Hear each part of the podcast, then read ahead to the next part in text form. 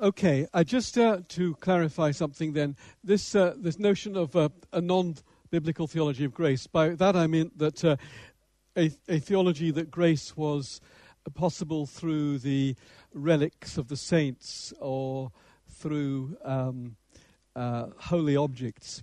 So you, you end up with the notion that, that grace is being dispensed um, in, in this way uh, rather than a biblical um, understanding of grace. That's all I wish to say. I'm going to move fairly quickly because I, have prepared more material than I can get through. So I'm going to move fairly quickly now.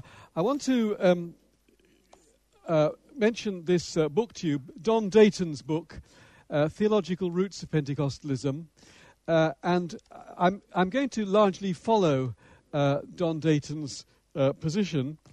Um, he um, argues that basically uh, Pentecostalism, uh, as it emerged in the 20, 20th century, uh, comes usually uh, or from a, a, a Methodist um, theology. So uh, Dayton would argue that the theology of Methodism, of John Wesley, in many respects um, provides a kind of pattern which later Pentecostals uh, adopted. That's not the full story. There are other, as it were, roots.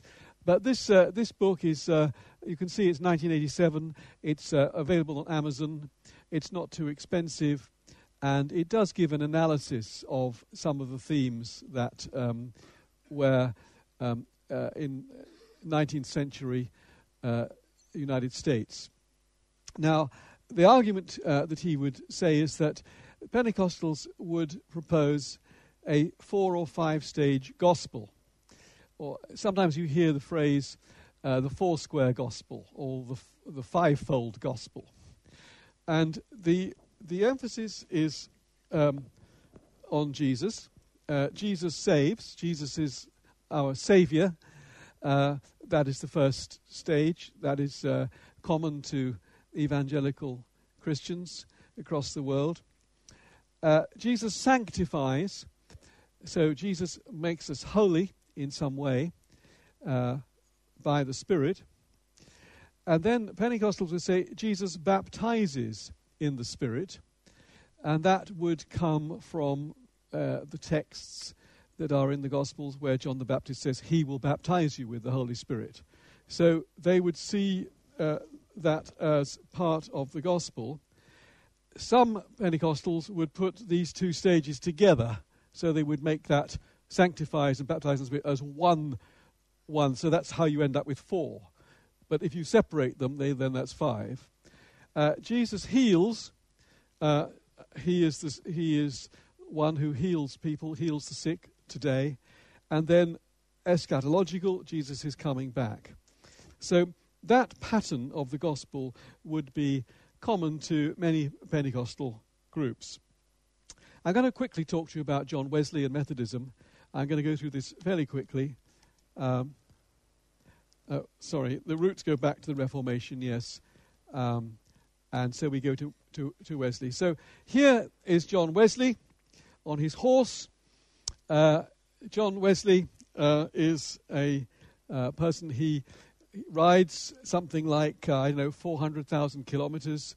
Uh, and he he typically preaches three times a day. He goes to a place, preaches in the morning, preaches in the in the lunchtime, and preaches again. And he just rides around. A very disciplined way of life. He's up at four o'clock in the morning. He's praying. He's preaching before breakfast. He's preaching in the at lunchtime. He's preaching evening, and then he moves on. And he goes uh, to all over the place and preaches. And Methodism is still um, at uh, at work today. Uh, Method, uh, he uh, travels, he studies continuously. He is a um, uh, an educated man. Uh, he he reads he reads his Greek New Testament. He reads German, uh, and he writes. He's an organizer. he's generous. Um, he is married, but he has a disastrous marriage because he's always away from home. Uh, so uh, uh, th- that's uh, something. He supports education and he supports mission. and he faces opposition calmly. So Wesley is a, a kind of um, example for Pentecostals, but he's also, as I say, an educated man, and the uh, philosophy he would accept is the philosophy of the empiricist John Locke. So I've given you the dates of John Locke. Uh, jo- John Locke is, um, uh, an English philosopher, um, and he um, takes the view that all our ideas and knowledge come from experience, come from the, the five senses. So uh, Locke's position and the position of all empiricists is that uh, everything, all our ideas, come from our senses. Um, uh, similar to the educationalist Comenius, so the sense that you learn from the physical environment, what you see, what you touch. So this is in opposition to rationalism, in opposition to Kant, actually. Uh, so it's from our test. So, and then uh, he spoke of the, the mind as a tabula rasa, a clean sheet, and experience writes upon the mind. So here is experience, as it were, writing on the clean sheet of the mind. Now, that idea that, um, that Locke has, uh, Wesley accepts. Um, Wesley accepts that religious experience is necessary. That just as you have uh, experience of the physical world, you can have religious experience. So um, Wesley um, ac- accepts that religious experience is necessary, and he also accepts that you, uh, the Christian, is seeking sanctification. And um, so you have in Wesley what is um, uh, a, a, a, journey to Christian perfection, to holiness, and it's a journey superintended by the Holy Spirit. And this is the final point that I want to make. Wesley believed that people have religious experience after conversion. So Wesley argued that there is a journey to holiness, um, and that journey to holiness is supported by religious experience. So this is this is you can see how you can put together the philosophy of John Locke, where we learn from experience, Wesley's belief that there is conversion, but after conversion, religious experience is possible, and that religious experience leads one to holiness, and you can see how that, um, that pattern is going to be taken by Pentecostals. So the, the idea, once you accept that religious experience occurs after conversion, then you have a, a theological pattern that Pentecostals are going to adapt and adopt. So that, that, that notion that, it, that religious experience is actually important to you.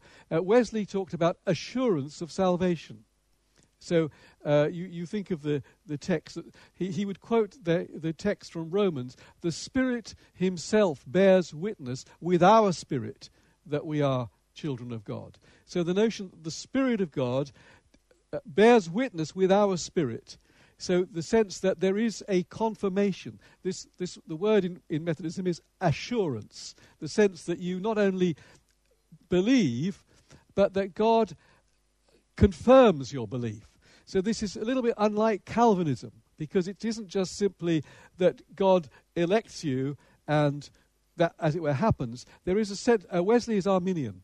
Uh, Wesleyan is is is is he's, he's uh, uh, uh, unusually Arminian. So Wesley is is an Arminian preacher. He believes that it's important for humans to make decisions, and that uh, when humans make decisions, God will confirm those decisions. So he has an Arminian uh, position theologically, and a, position that accepts experience and that sees experience as part of the journey to sanctification.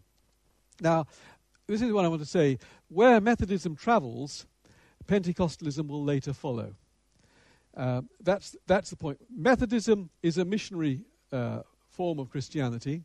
And I've, you can see I've got here a map of, of uh, uh South America, here, uh, North America, South America, and here's Africa. And Methodism travels. So, for example, in the United States, the Methodist Episcopal Church sent uh, missionaries to West Africa, and you can see in 1820.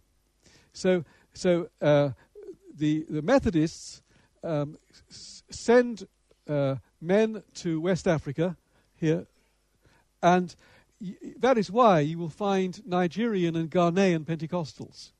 So big Pentecostal churches in West Africa, because the Methodists got there first in the in the 19th century, and they began to to communicate the gospel. And the same in Chile here, uh, they they began to go. So um, Pentecostalism is strong in those parts of the world, and also in Chile.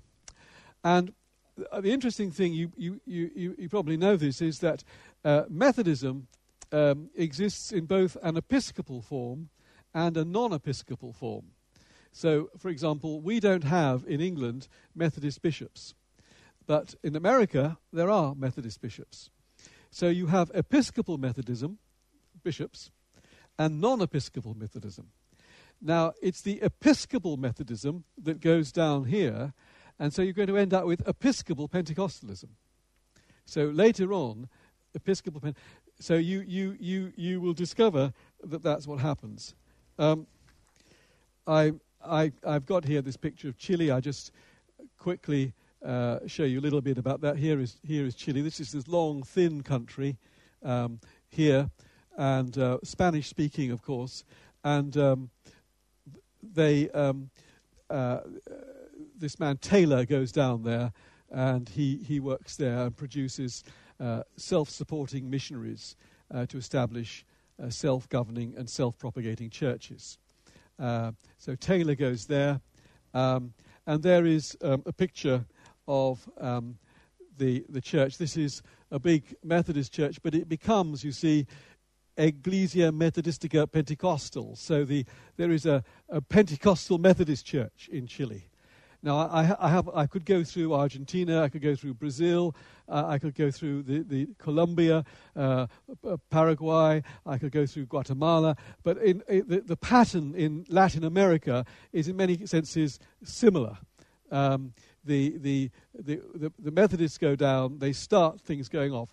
Uh, there are variations, there are Baptists as well, but that just gives you a sort of example of a uh, Methodist um, Pentecostal church in, in, in, in Chile. And uh, here is, um, this is uh, Korea.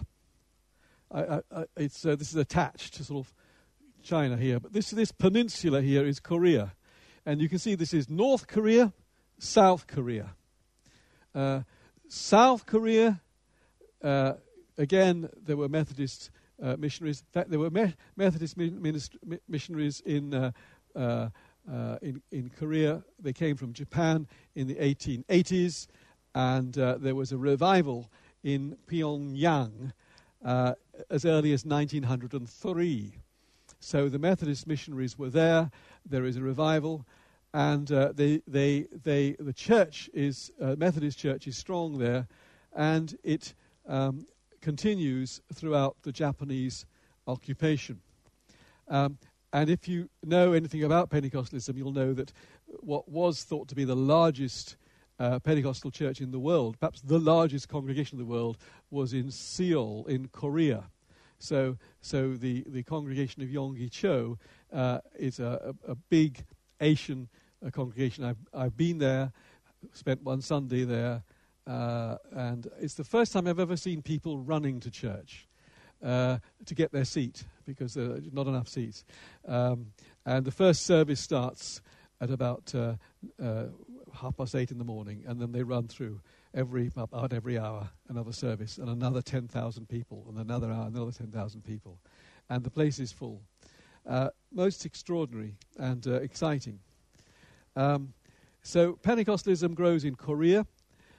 It grows until um, there's Japanese occupation I'll talk a bit about that and I want to talk uh, now um, I, I, could I could take you to India um, I could take you to other parts of the world, and uh, but I, I, just want to talk quickly about revival um, to to uh, to uh, to add, as it were, another dimension to Pentecostalism.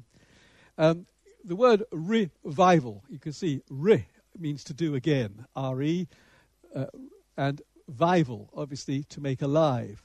So revival means to make alive again. And revival begins in the church. Revival is something that occurs in the church and it strengthens and warms the life of the church in some way. A little, a little uh, quotation about revival there, um, and a, a revival, a new obedience to God, some sense of the church being renewed, revived.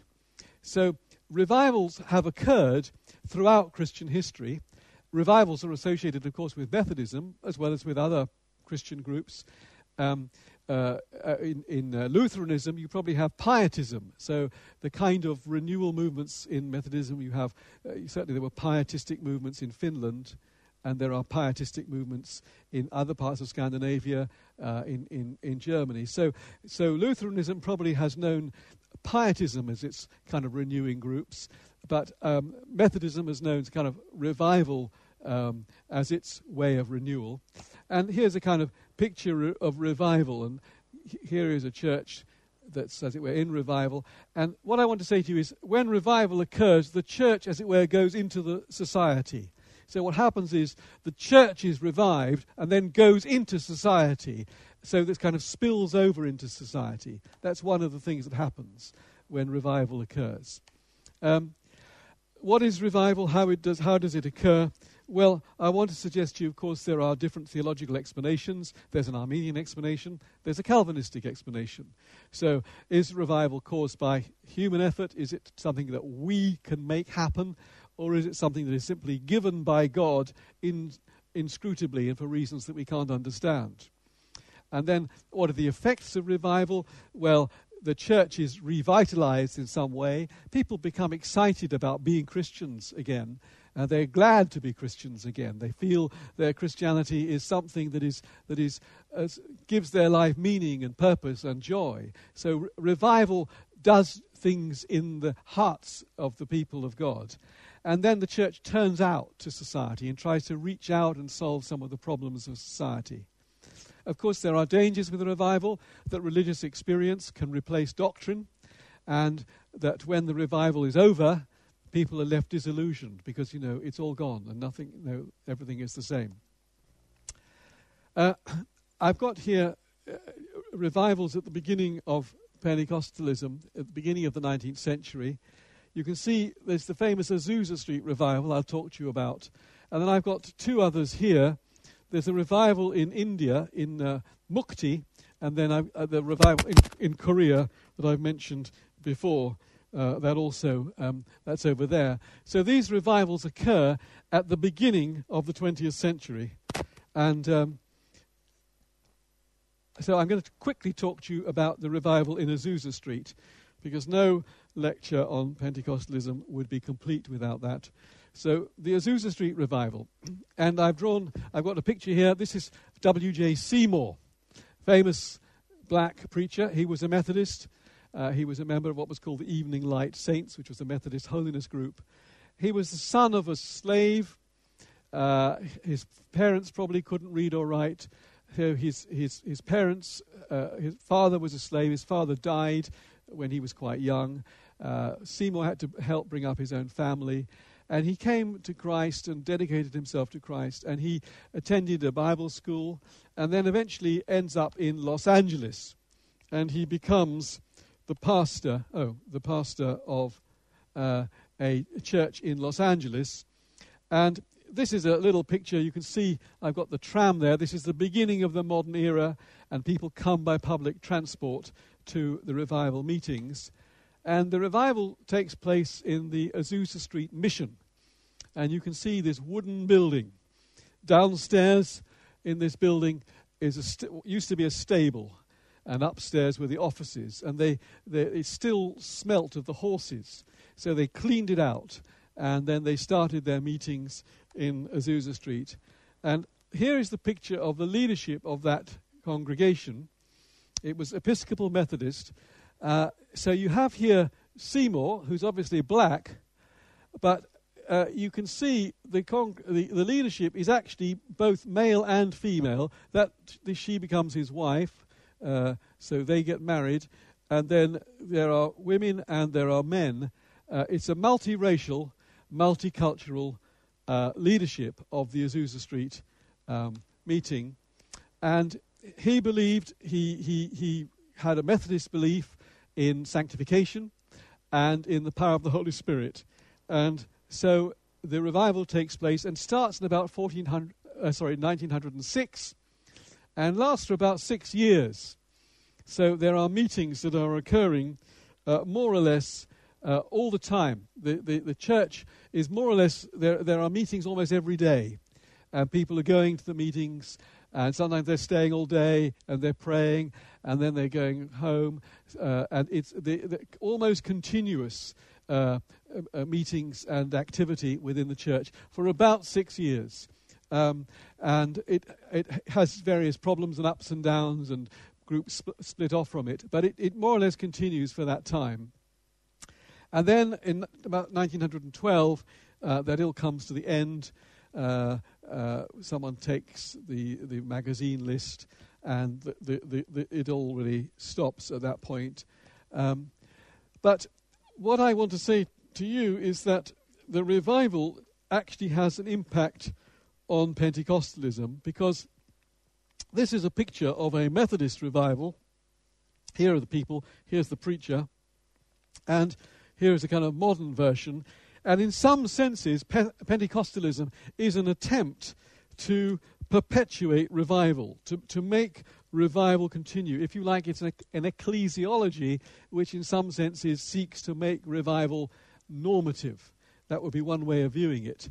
So, um, the, the, the, the idea of a revival and the idea of a Pentecostal meeting, often the kind of two things are connected, parallel.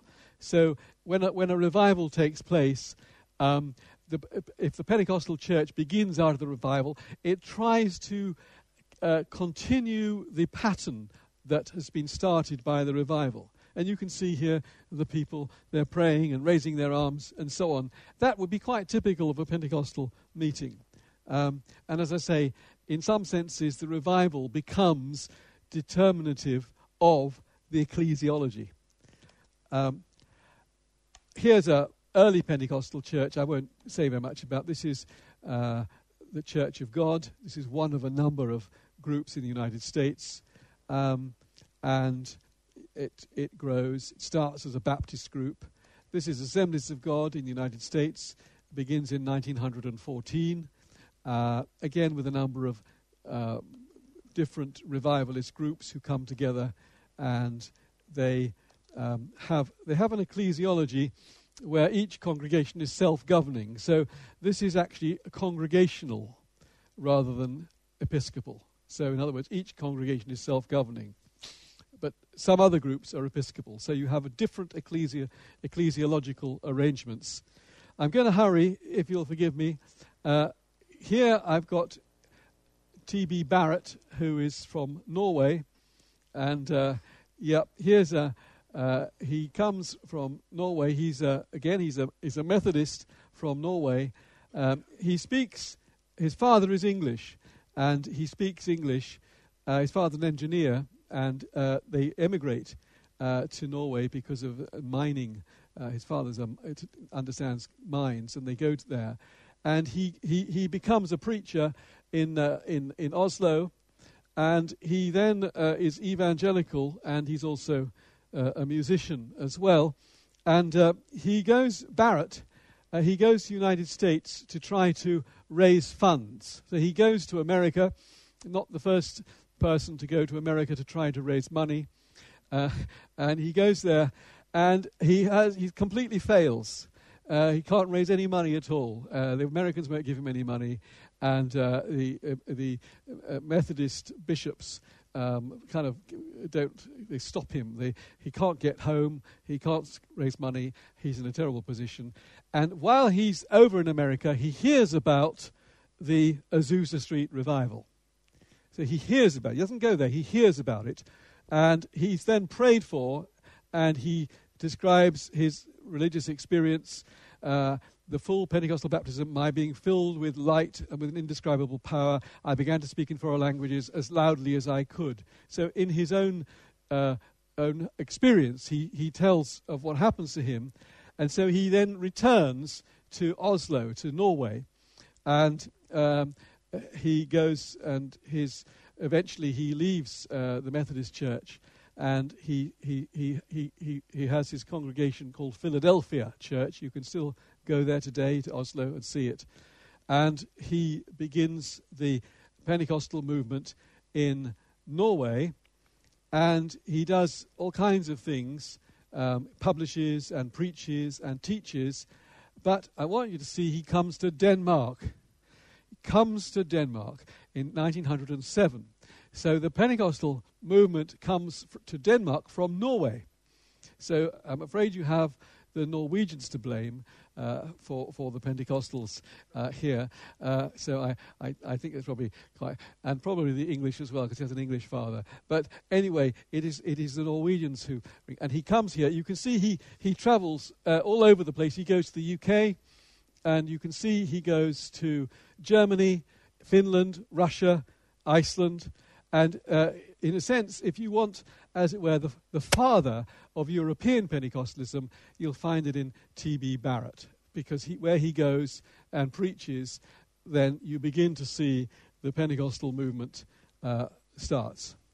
And he had an influence on a young Baptist called Louis or Levi Pethrus uh, here.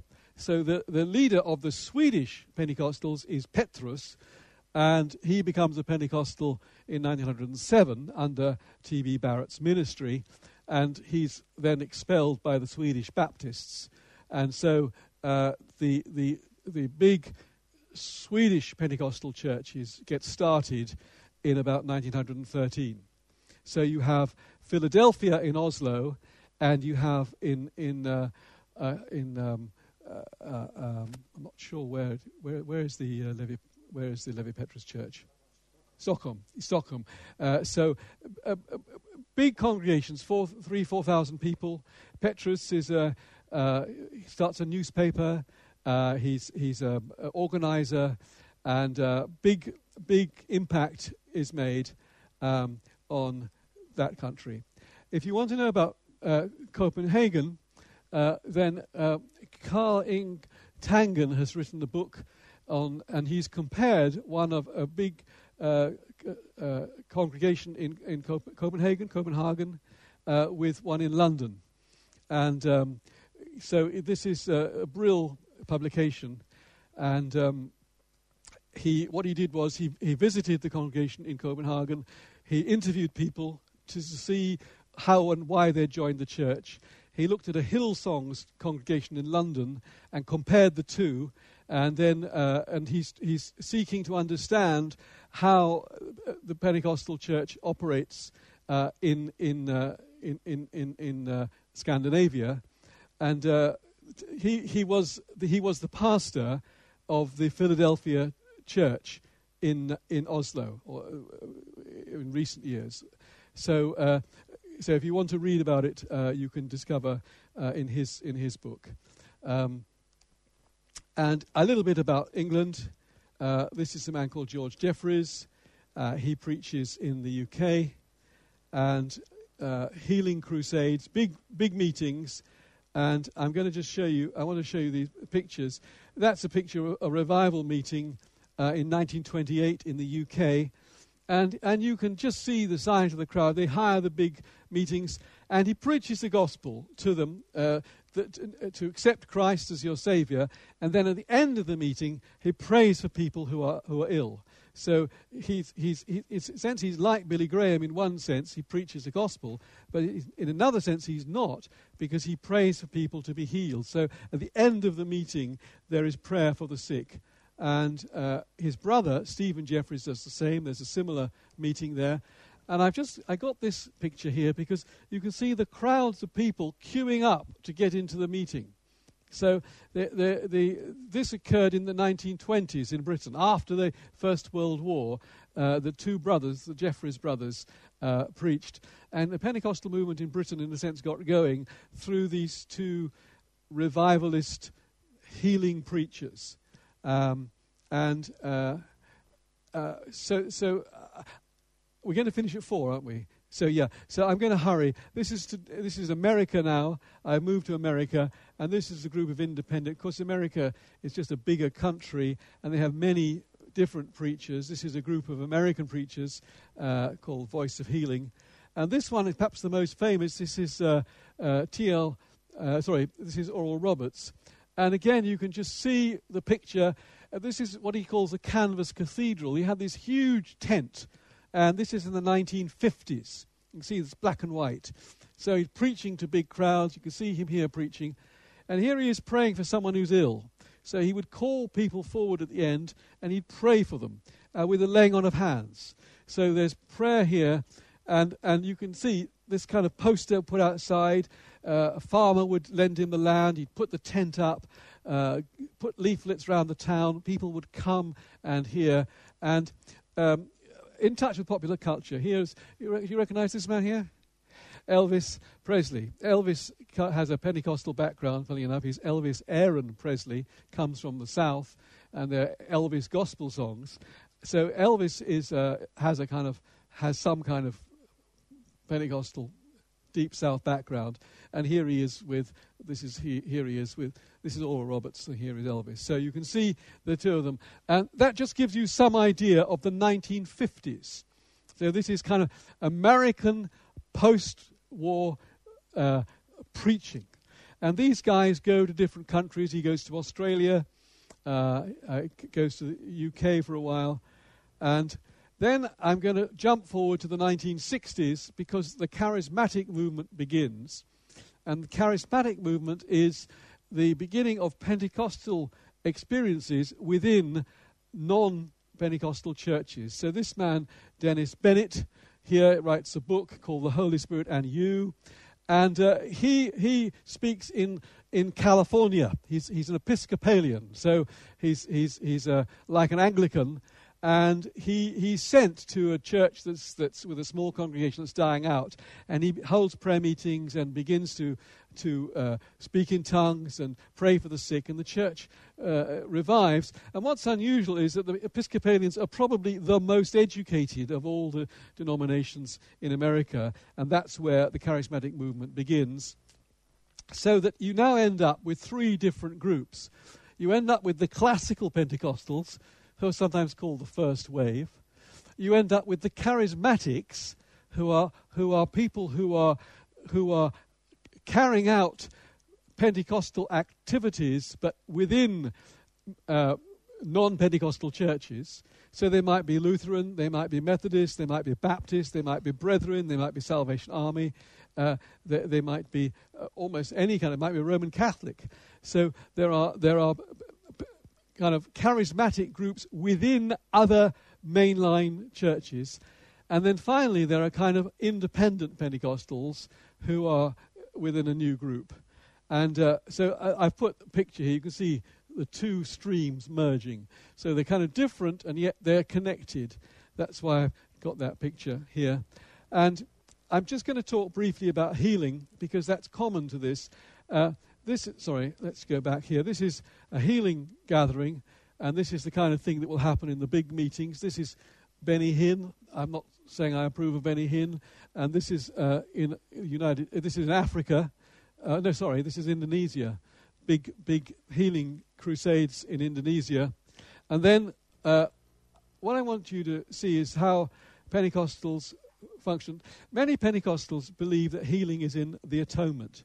So that's in Isaiah 53. So th- there are difficulties with the doctrine, but many Pentecostals would say that Christ died for our sicknesses so that we could expect healing. And uh, I'm quoting in English, of course, but uh, those texts uh, suggesting those things. But also, uh, there are difficulties with the doctrine because many sincere people were not healed. So there, there are problems with that particular doctrine. Uh, but more common is what might happen in a charismatic group. And I, I've just got these pictures here because these are not big meetings, these are meetings in a home. These are little meetings, these are house meetings. And you can see here, this is just a, a, a little prayer group, and people are being prayed for. Uh, this lady being prayed for by these two people. And here, this young woman is praying for this older woman here.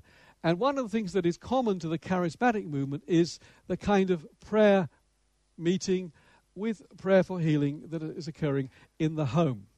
And I think probably uh, that's John Wimber. And I was going to. Yes, well, I, this is the new. Uh, these are the neo Pentecostals that come along, and they form a new, form groups. Which I'm I'm really getting to the last one now. This is the last picture, and so we have these three groups now. As I say, the the classical Pentecostals, the charismatics, and the neo Pentecostals. So those, are, if if you want to see where we are today, those are the three as it were, groups of Pentecostals. Well, there we are. I've just got time for questions. Uh, okay. Yeah, any questions?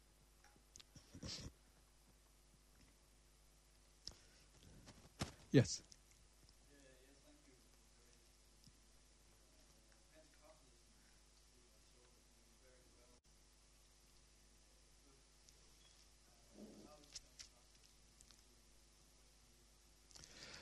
Um,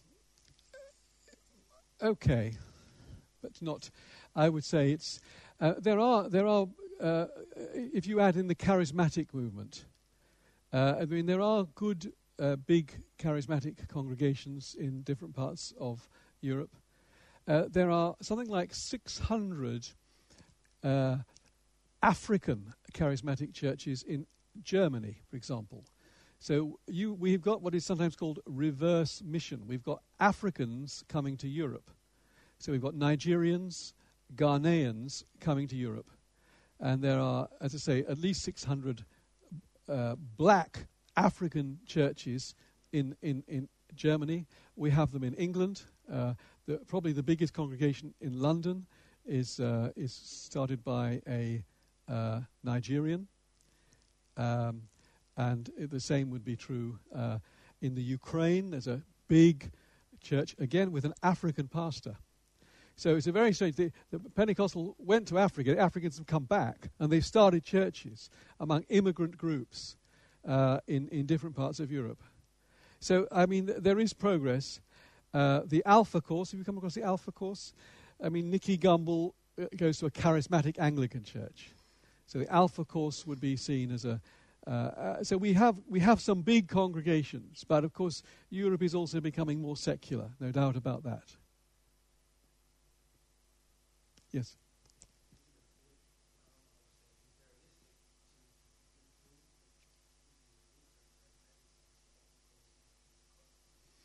Well, I call them, uh, you, you might say that, but the, the, the, the doctrine and the practice is often the same. I mean, they will worship in the same meetings. They will sing the same songs. Uh, they will, they will, they will uh, believe many of the same things. Um, so, but they will disagree on some things. But um, we, we have in England, we have something called Spring Harvest, where you have something like 80,000 people would gather, and you'd have different groups, but they would go for a summer camp, and they would come from different, different churches. And they would listen to the same preachers, they would pray together, they would sing together. So th- there is, there is, there may, uh, th- remember, if you're here studying theology, but for ordinary church people, they're not interested in the theology, they're interested in the experience and the worship and the songs. So they, they're not, as it were, theologically um, literate. Mm-hmm.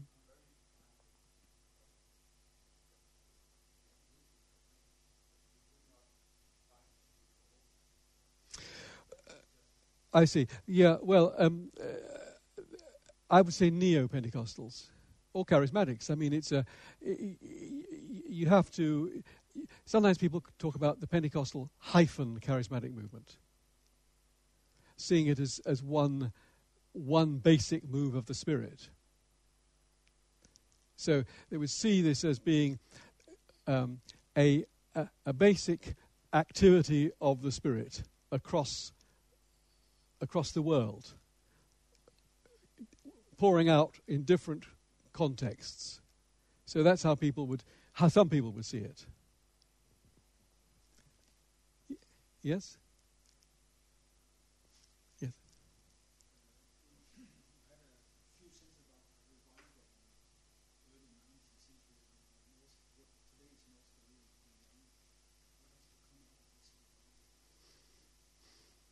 Um, uh, what happened, of course, was that the um,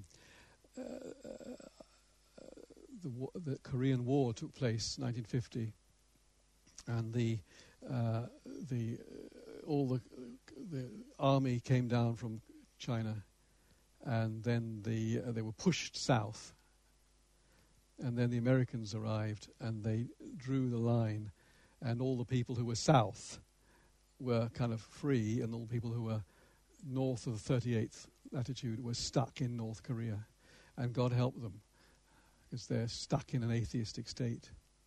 Uh, and so, and Pyongyang is, you know, uh, what happened to those people? I don't know. We, you know, it's a bit like East Germany. Um,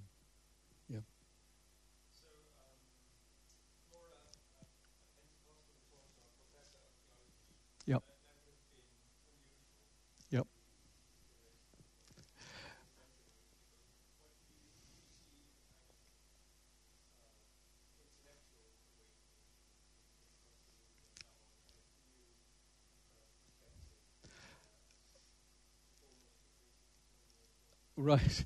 Yeah, well, I, I have to say I'm the only Pentecostal professor in a secular university in Britain. Um,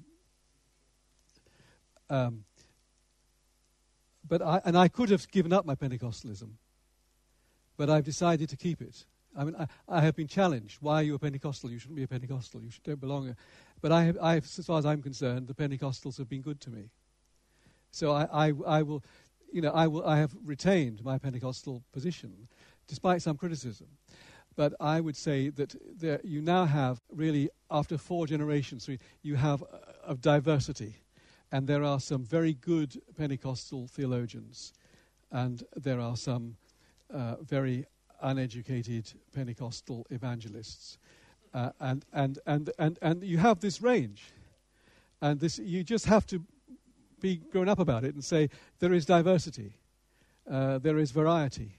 Not all Pentecostals are good, not all Pentecostals are bad, not all Pentecostals are uneducated. There's just a mixture. And uh, some, of the, some of the most creative theologians, for example, have come out of Eastern Europe, someone like Volf, uh, the son of a Pentecostal pastor, uh, Amos Yong, who's a, a Chinese, again the son of a pastor. Uh, so these are people who have retained their Pentecostal background but have, are working in the academy. And they are they're often creative and uh, um, they, they, they have a, they're trying to work out a, a theology uh, that will be uh, acceptable across the board.